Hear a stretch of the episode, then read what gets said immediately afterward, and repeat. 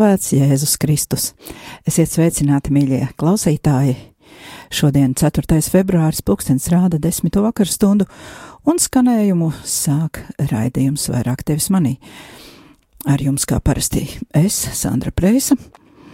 Iepriekšējā raidījumā eh, mēs sakrā ar to, ka bija lielā baznīcas domātāja Akvīnas Toma svētki, nedaudz ielūkojāmies viņa dzīves stāstā, bet šodien un nākamajā raidījumā, un varbūt, ka vēl aiznākamajā, turpināsim un pabeigsim beidzot mūsu reliģiski psiholoģiskās sarunas, lai varētu ķerties klāt pie kaut kā mazlietiņ vairāk teoloģiska vai vēsturiska, nu, pie svēto dzīvēm un pie viņu izpētes.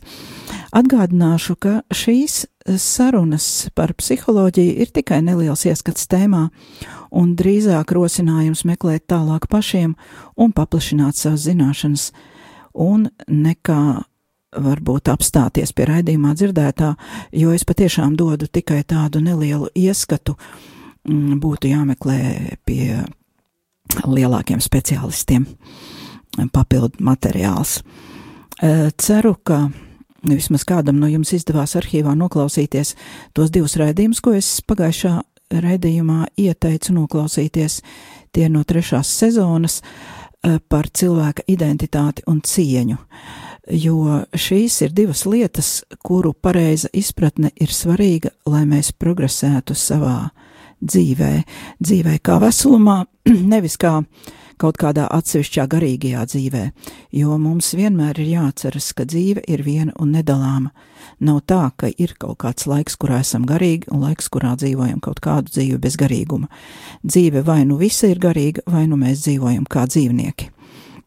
Jā, bet par šo te cieņu un identitāti Kāpēc ir tik svarīgi? Tāpēc, ka ja mēs eh, nepareizi izprotam šos jautājumus, tad mēs faktiski neesam spējīgi saprast neko no arī Kristus vēsts pareizi, ne arī paši par sevi, ne par Dievu.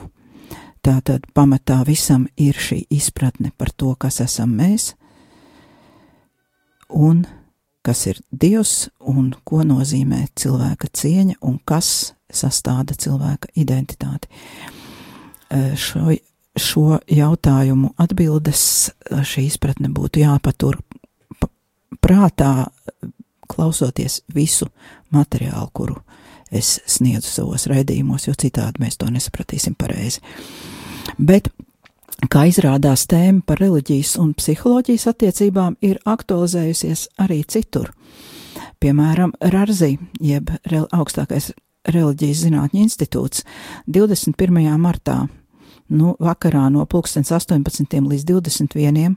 Katoļu ielā 16, tas ir blakus semināram, rīko uh, semināru par depresiju un tumšo nakti, un ir uzsākuši tādu ciklu garīgās veselības robežu jautājumi, jo acīm redzot arī institūtā ir atzinuši šo tēmu par aktuālu un svarīgu šobrīd.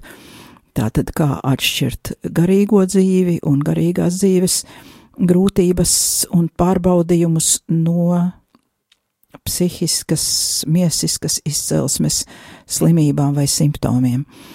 Tātad no sirds iesaku jums šo semināru apmeklēt. Tātad 21. martā, 2018. katoļu ielā 16, un tur ir arī dalības maksa ja maksā pirms tam, cik saprotu, internetā uz kontu, tad ir 20 eiro, bet ja jūs ejat pa taisno klausīties lekciju ar naudu rokās, tad jums līdzi jāņem 25 eiro.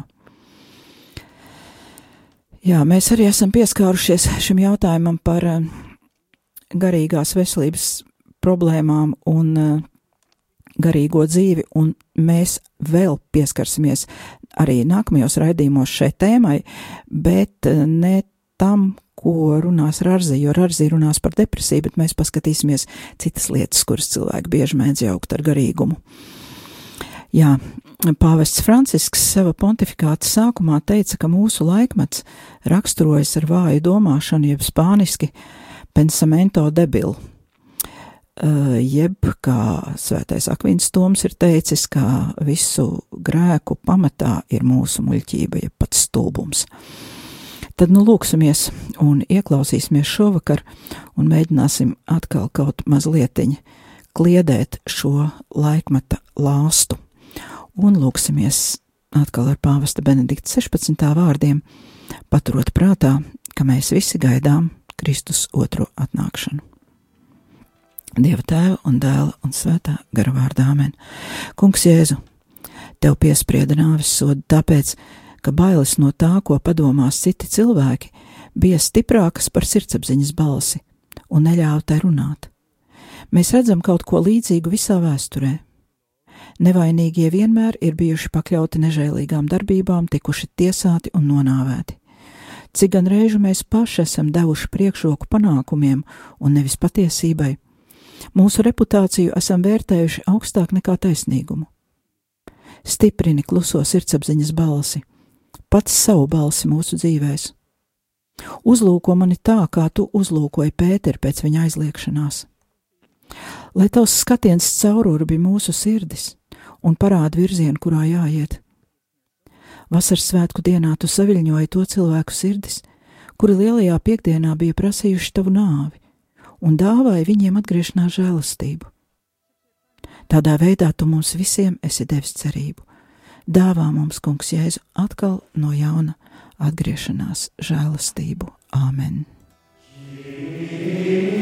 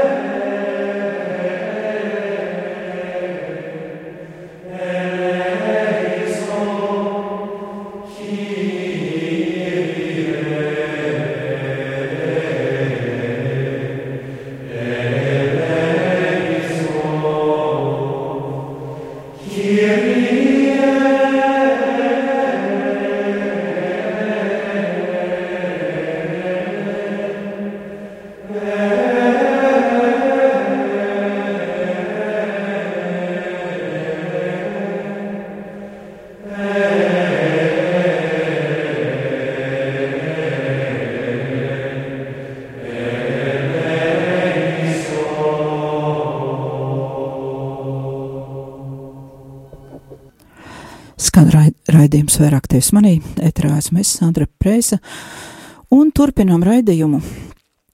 Sezonu iesākām ar pāvesta vēstuli par vardarbību un tās sekām baznīcā, taču neviena vardarbība nerodas tukšā vietā pati no sevis. Tā vienmēr ir kādu iepriekšējo darbību sekas, un tā arī nekad nebeigsies pati no sevis. Lai to apturētu un situāciju vērstu uz labu, Nepietiks arī tikai ar sēdēšanu baznīcā un nemitīgu pāteru skaitīšanu, lai gan bez lūkšanām mēs arī nekur tālu netiksim. Mēs visi zinām no pieredzes, ka varam stāvēt pie plīts un lūgties, cik tīk, lai mums izvārās kartupeļi, bet ja vispirms mēs tos neieliksim katliņā uz uguns, diez vai tur kaut kas pats no sevis radīsies. Viss labais ap mums rodas mūsu sadarbībā ar Dieva žēlastību un nevis gatavs nokrīt no debesīm. Tātad no mūsu puses ir jādara viss iespējamais, taču vienlaicīgi vienmēr jāpaturprātā, ka visu saņemam un saņemam vairāk nekā gaidām. Nav tā, ka tikai baznīcā runā par vardarbību, un pavisam noteikti nav tā, ka baznīcā nu, ir daudz vairāk vardarbības nekā jebkurā citā vietā. Šī tēma ir dienas kārtībā arī pasaulīgajās institūcijās. Noteikti atceramies, ka bija akcija MeToo, eh, jeb es arī latviski, kurā piedalījās sievietes, kuras cietušas no seksuālās vardarbības. Bet pavisam nesen, 2019. gada janvārī izglītības pasaules fórumā Londonā ir publiskots pētījums, kurš saucas ko slēpj skaitļi, izbeidzot vardarbību skolās. Un šis pētījums mudina pasaules valstis neatstāt vardarbību tikai pedagoģu pārziņā. Vardarbība būtiski ietekmē kā bērna garīgo veselību, tā arī dzīves kvalitāti un akadēmiskos sasniegumus. Piemēram, skolnieki, kuri biežāk apceļ vai aizskar kurus biežāk apceļ vai aizskar. Retāk apmeklē skolu un uzrāda sliktāku sniegumu mācībās. Publis publikācijā ir analizēti kvalitatīvie un kvantitatīvie dati no 144 pasaules valstīm, sniedzot pašā, pašlaik uz šo brīdi pašu aptverošāko situācijas raksturojumu un analizējot tendences gan globāli, gan reģionāli varētu rasties loģisks jautājums, kāpēc mēs atkal esam atgriezušies pie tēmas par vardarbību. Taču atbilde ir vienkārša - tā pastāv. Pat ja mēs paši to personīgi ikdienā neredzam, un tās ir daudz vairāk nekā mēs spējam iedomāties. Principā tas nav nekas jauns, vienīgi sabiedrība ir attīstījusies, vardarbības fenomens ir ļoti daudz pētīts, un tagad šī parādība, ja tā varētu teikt, tiek, tiek vilkta ārā no skapja un atklāta publiskai apskatei. Pie tam ir tāds paradoks, ka jo vairāk sabiedrība mēģina novērst atklātu vardarbību, jo vairāk tā atkal izlien citā vietā, tā kā īlens no maisa. Piemēram, runājot par skolu, mums jau sen ir aizmirsies laiks, kad skolotāji drīkstēja fiziski sodīt skolēnus, un mēs tikai no grāmatām zinām, ka skolotāju vidū bija sadisti, kur sodu izmantoja kā savas varas apliecinājumu un guva pat baudu no bērnu mocīšanas. Šo vardarbību izbeigt bija salīdzinoši vienkārši. Pieņēma likums, kas aizliedz skolotājiem bērnus fiziski aizskart, un nepaklausīgos skolotājus atlaida vai sodīja. Šobrīd ir aktualizējusies sarežģītāka vardarbības forma. Pat, jāsaka, vairākas formas. Latvijas autisma apvienības vadītāja Līga Bērziņa Atsaucoties uz 2016. gada ziņojumu Vardarbības anatomija un iezīmējot vardarbības veidus skolās, saka tā: e, Pirmkārt, vardarbība ir izglītojamā, tas ir skolēna vardarbība pret izglītojamo. Otrkārt, izglītojamā vardarbība pret pedagogu. Treškārt, pedagoga vardarbība pret pedagogu. Ceturtkārt, pedagoga vardarbība pret izglītojamo. Arī vecāku vardarbība gan pret izglītojumiem, gan pret pedagogiem. Jebkurš bērns ar uzvedības problēmām ir bērns ar speciālām vajadzībām, neatkarīgi no diagnozes esamības vai neesamības. Šīs vardarbības formas apturēt ir daudz grūtāk, jo tās nevar vienkārši aizliegt ar likumu. Patiesībā likumi jau ir, tie pastāv, pastāv arī skolu iekšējās kārtības noteikumi, taču ne vecāki, ne bērni gluži vienkārši tiem nepakļaujas. Bet vai problēmas sakne ir bērnos? Nu, protams, ka nē. Jebkurš domājošs cilvēks saprot, ka sakne ir pieaugušie. Vispirms jau mājinieki, ģimenes locekļi, kuri rāda bērniem piemēru. Tie, kuri strādā skolās un bērnu dārzos, ļoti labi zina, kāda bezspēcība dažreiz iestājas.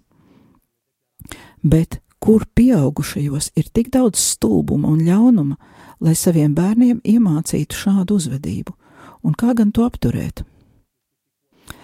Pēc muzikālās pauzītes nelielas apskatīsim kādu no versijām eh, par to, kas ir trauma un kā ar varbūt to varētu apturēt, versiju, kuru piedāvā pētniece Alēda Asmane. Bet tagad viena ziemīga dziesmiņa šī vakara putenim par godu.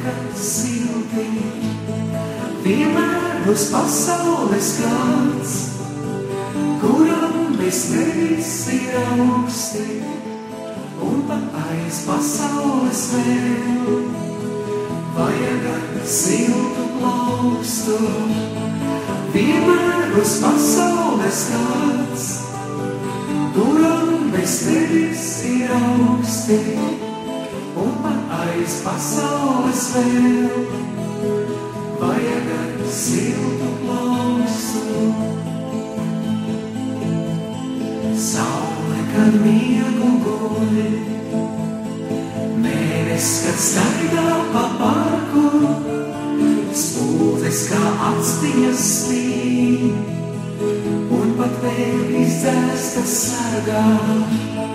Pelnšķīt laiks ir laiks, ceļš tavs vedīs uz pili, paciet vēl grambašīs, krīzinās mākoņi zili.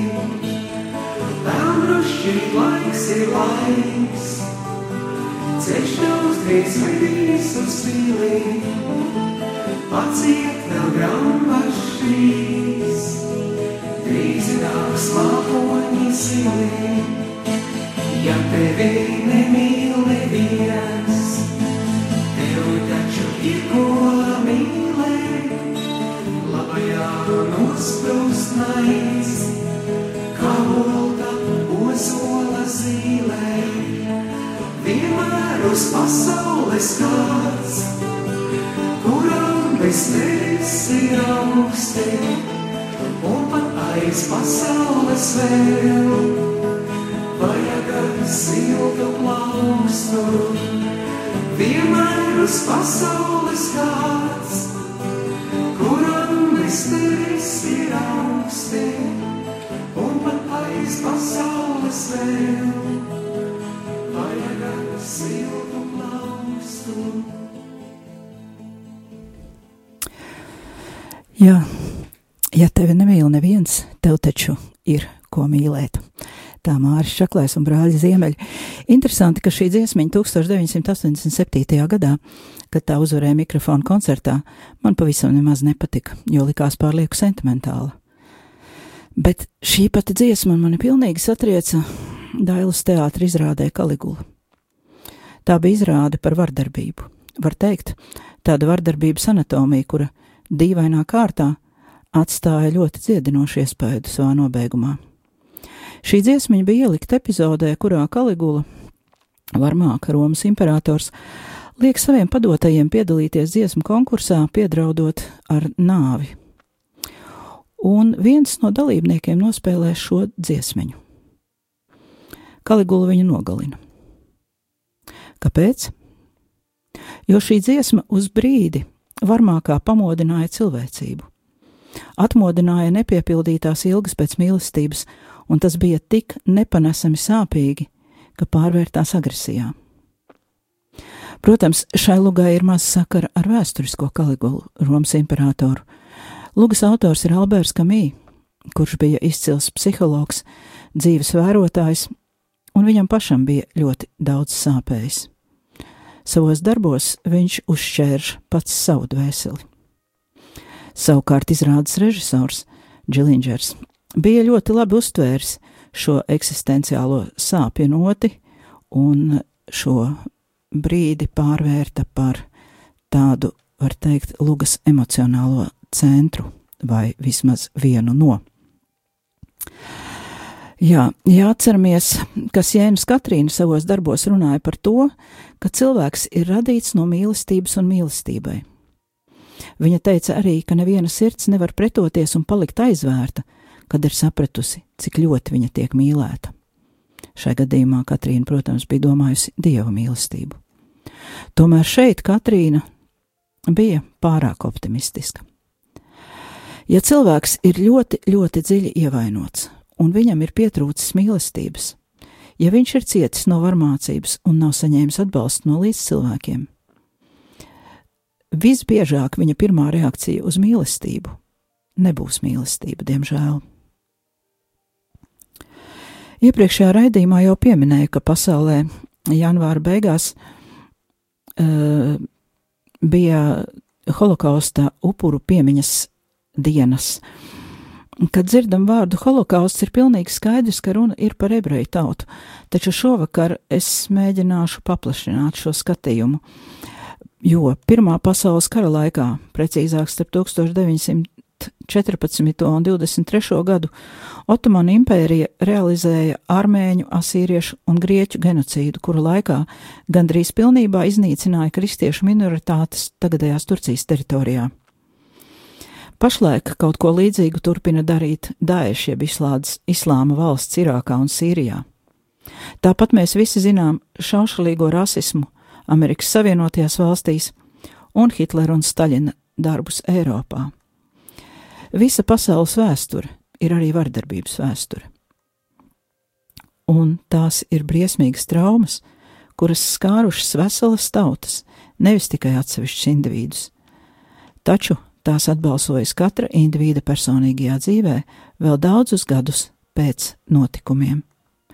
Taču mēs nekādā gadījumā nedrīkstētu teikt, ka kāda viena trauma ir svarīgāka vai nozīmīgāka, jeb arī salīdzināt, kurš upuris ir cietis vairāk. Neatkarīgi no tā, vai kāds cilvēks ir cietis kopā ar citiem, vai viens pats savā ģimenē vai darba vietā, trauma vienmēr ir personīga, un tā vienmēr skar konkrēta cilvēka dzīves kvalitāti. Jebkura trauma ir briesmīga, un tā vienmēr nopietni ietekmē cilvēka spēju pašrealizēties un dzīvot cilvēka cienīgu dzīvi. Lūk, šo frāzi atkārtosim vēlreiz - dzīvot cilvēka cienīgu dzīvi. Vai mēs spējam saprast, ko tas nozīmē? Šā gada 2. februārī mm, pāvests audiencē pieņēma Itālijas kustību par dzīvību, un šīs audiences laikā pāvests Francisks runāja par dzīvības aizsardzību, un viņš teica tā: rūpēs par kopējo labumu, politiķu galvenajam uzdevumam ir jābūt dzīvības aizsardzībai. Tas ir kopējā labuma pirmais stūrakmens. Viņiem jāaizsargā visi cilvēki, neatkarīgi no viņu reliģiskās piedarības. Viņiem jāsargā katra ieņemtā dzīvība, kas ir visas sabiedrības novitāte, nākotne un cerība. Rūpēs par dzīvību ietilpst arī rūpes par cilvēka dzīves apstākļiem, veselību, izglītību, darba iespējām, par visu, kas ļauj cilvēkam dzīvot personas cienīgu dzīvi. Tātad dzīvot cilvēka cienīgu dzīvi nozīmē veselību, izglītību, darba iespējas. Bet ko nozīmē pati cilvēka cieņa un uz kā tā balstās, par to mēs jau esam runājuši. Bet tagad iepriekš solītais pētniecis Salēdzes Asmanis citāts pēc manām domām Tas ir labākais apraksts traumai un tās sekām, kāds jebkad ir publicēts latviešu valodā, un publikācija bija žurnālā Rīgas laiks, numur 5 2017. gadā. Kā rakstā vēsturnieks Gustavs Strenga, Alēdas Asmanis publikācijas ievadā, Alēdas Asmanis skats uz kolektīvu atmiņu nav vērsts tikai no 20. gadsimta traumatisko pieredžu skatu punkta. Viņa savu zinātnisko darbību sāka kā 16. un 18. gadsimta britu literatūras pētniece, un atmiņas pētniecību ir balstījusi savu vīru, eģiptologa Jana Asmana, izveidotajā kultūra atmiņas teorijā. Kopā viņi ir gājuši savu no pārējās kolektīvās atmiņas pētniecības tradīcijas atšķirīgu ceļu, dodot iespēju mūsdienu un 20. gadsimta nogales kolektīvās atmiņas fenomenu vērtēt vairākus gadsimtus ilgā Eiropas atmiņas kultūras perspektīvā. Un tagad tātad, ko Asmane raksta par traumu? Mūsdienās bieži tiek norādīts uz paradoksu, kas jau kļuvis gandrīz par banalitāti, kad, lai gan attālums laikā no holokausta tikai pieaug, mēs no tā šausmām nevis attālinamies, bet arvien vairāk tām pietuvināmies.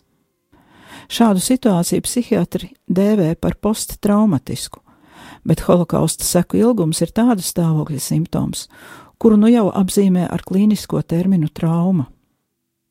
Kas tieši ar to ir domāts? Vārds trauma nāk no grieķu valodas un burtiski nozīmē brūce. Medicīnā šis termins jau sen ir nostiprinājies ar ļoti vispārīgo nozīmi ievainojums. Un specifiskajā nozīmē tā ir psihiska brūce, kura izraisījusi mīklainus simptomus, nostādot ārstus pavisam jaunu problēmu priekšā. Eh, es gribētu iestarpināt, ka Asmane raksta no savas pozīcijas. Viņa nav neiroloģija, viņa nav ārsts, eh, taču mūsdienu neiroloģija jau ir pierādījusi, ka šāda psihiska trauma eh, tā nav kaut kāda gaistošā apziņā sakņota problēma, ka trauma patiešām ir pilnīgi reāla un fiziska, un šādu situāciju rezultātā tiek patiešām traumētas, fiziski traumētas smadzenes. Un tālāk turpina asmane. Psihisku traumu izraisa vardarbība, kas apdraudējusi dzīvību un dziļi ievainojusi dvēseli. Šādu pieredzējumu smagums pārvar uztveres aizsardzību pret kairinājumu un tos svešāduma un personi, personas identitāti apdraudošā rakstura dēļ psihiski nav iespējams pārstrādāt. Lai pēc šāda notikuma spētu izdzīvot, tiek izmantots psihisks aizsardzības mehānisms, ko psihiatri sauc par disociāciju, ar to saprotot neapzinātu cenšanos draudīgo pieredzējumu izslēgt no personas apziņas. Piedzīvotais gan psihē tiek reģistrēts, tomēr vienlaikus tiek nojaukti tilti, kas ved uz tā apzināšanos. To, ko šādas izslēgšanas rezultātā nav iespējams neatcerēties, neaizmirst, apziņa it kā iekapsulē, un latentā stāvoklī tas ilgi var palikt neapzināts un nepamanāms, līdz atkal liek se, se, par sevi manīt ar kaut kādiem tādiem vai citādiem simptomiem. Atmiņas, kas nespēja atrast ceļu uz apziņu, paliek, kā mēdz teikt, ierakstītas ķermenī. Tādi simptomi ir piemēram sejas muskuļu raustīšanās un kustību traucējumi, ko novēroja Pirmā pasaules kara demoralizētajiem karavīriem. Cits piemērs ir tā saucamā multiple personality disorder, eh, proti patoloģiska identitātes šķelšanās, kas tiek novērota bērnu seksuālās izmantošanas upuriem. Traumas jēdzienam ir relatīvi nesena vēsture, lai gan ar psihiatriju saistītajās zinātnēs to lietoja jau kopš 19. gadsimta. Kā oficiāla diagnoze Amerikas psihiatrijas rokas grāmatā tā tika ierakstīta tikai 20. gadsimta 80. gados, saistībā ar Vietnamas kara politiskajām un sociālajām sekām. ASV tam bija ne tikai terapeitisks, bet arī juridisks sekas. Tā kā varēja pierādīt, ka sen iegūti psihiskie ievainojumi ir tieši saistīti ar pašreizējiem psihiskiem traucējumiem, Dažiem noziegumiem, piemēram, bērnu seksuālajai izmantošanai, tika atcelts noilguma termiņš, kas savukārt izraisīja veselu apsūdzību vilni, līdz ar organizētu aizstāvību pret šādām apsūdzībām. Kara, seksuālās izmantošanas un holokausta traumas, protams, ir ļoti atšķirīgi fenomeni. Tomēr visos gadījumos upuru personības veidošanos ilgu laiku ir ietekmējusi iekapsulēta nepārvaramās pagātnes draudīgā klātbūtne. Bieži vien traumas simptomi var parādīties daudzus gadus vēlāk. dvēseles satraucamību, kas izpaužas ļoti dažādu simptomu formā, neapzināti var pārmantot arī no paudzes paudzē. Traumas turpināšanos no paudzes paudzē var pārraut tikai tad, ja traumas izslēgtās un neapzinātās daļas izdodas pārvērst apzinātas atmiņas formās. Terapija šajā gadījumā cenšas traumu verbalizējot, to atbrīvot no iekapsulēšanās un padarīt par apzinātas personības identitātes daļu. Tomēr to nevar paveikt tikai ar individuālo terapiju vien, tam ir vajadzīgs arī sabiedriska un politiska vide, precīzāk, atcerēšanās ietvers, kurā šīs izslēgtās un apspiestās atmiņas var tikt ar empātiju uzklausītas, iegūstot savu vietu sociālajā atmiņā. Kopš traumas jēdziens ir nostiprinājies medicīnā, tas vienmēr ticis saistīts tikai un vienīgi ar upuru perspektīvu, un tas nozīmē, ka fiziskas vardarbības un psihiska apdraudējuma izciešana ir kļuvusi par neatņemamu traumu jēdziena sastāvdaļu. Upurim izciešana pārvēršas ciešanās, pasivitāte pasijā. Aptuveni simt gadus ilgajā traumu pētniecības vēsturē svarīgākie piemēri ir dzelzceļa katastrofas, šelšoka, karot nespējīga, demoralizēta karavīra sindroms, kas izveidojies piedzīvojot eksplozijas, kuras viņa cīņu biedrus gaisā sarāvušas gabalos. Šis sindroms pirmoreiz masveidā parādījās Pirmā pasaules kara laikā. Tāpat arī bērnu seksuāla izmantošana, politiskās vajāšanas, spīdzināšana un genocīds. Freids nav piedalījies psihiatru diskusijā par šelšoku fenomenu, tiesa gan viņa uzmanības logā no, lokā nonāca bērnu seksuālā izmantošana, taču viņš šīs liecības skaidroja ar pavedināšanas te teoriju, kas notikušo ievietoja cietušās personas fantāzijā, un tādējādi mūsdienu traumas pētniecība nav tiešā veidā saistīta ar Freida teoriju. Tāpēc par šīs jaunās pētniecības nozares tēvu kļuva nevis Freids, bet gan tādi zinātnieki kā Pjērs Žanē Francijā vai Rivers Lielbritānijā, kas ir likuši traumas izpratnes un ārstēšanas veidu, jēdzieniskus un eksperimentālus pamatus. Tālūk, Alēda Asmana par traumu, un e, turpināsim pamatīgāk šo skatīt vēl nākamajā raidījumā, bet kam pievēršam uzmanību. Tātad e, Asmani runā par to, ka šāda trauma var turpināties no paudzes paudzē, un ka to var pāraut tikai tad, ja kopīgi rīkojas terapeits un terapeitu atbalsta cilvēki, kuri ir apkārt, atrodas apkārt cietušajam cilvēkam. Nu, sauksim viņu par upuri. Tā tad upurim ir nepieciešama terapija un ir nepieciešami cilvēki, kuri empātiski un ar līdzjūtību un sapratni ieklausās šajā cilvēkā, viņu nekritizējot, viņu netiesājot, viņam neizsakot nekādus vērtējumus, vienkārši ieklausās.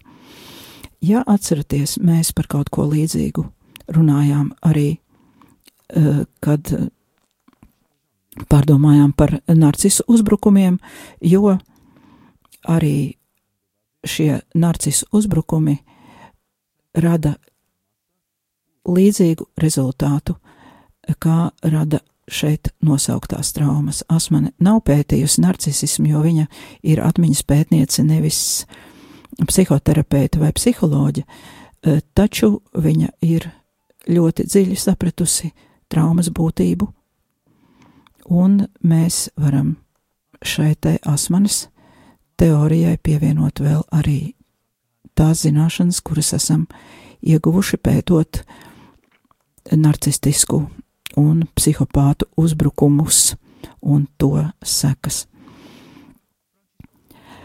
Ar to tad šovakar beigsim. Tas bija raidījums vairāk tevis manī, un nākamajā reizē turpināsim skatīt par traumu sekām un ko mēs varam palīdzēt citiem un kā mēs varbūt varam palīdzēt sev, ja mēs paši esam cietuši no kādām traumām. Bet tagad ar Dievu līdz nākamajai reizei.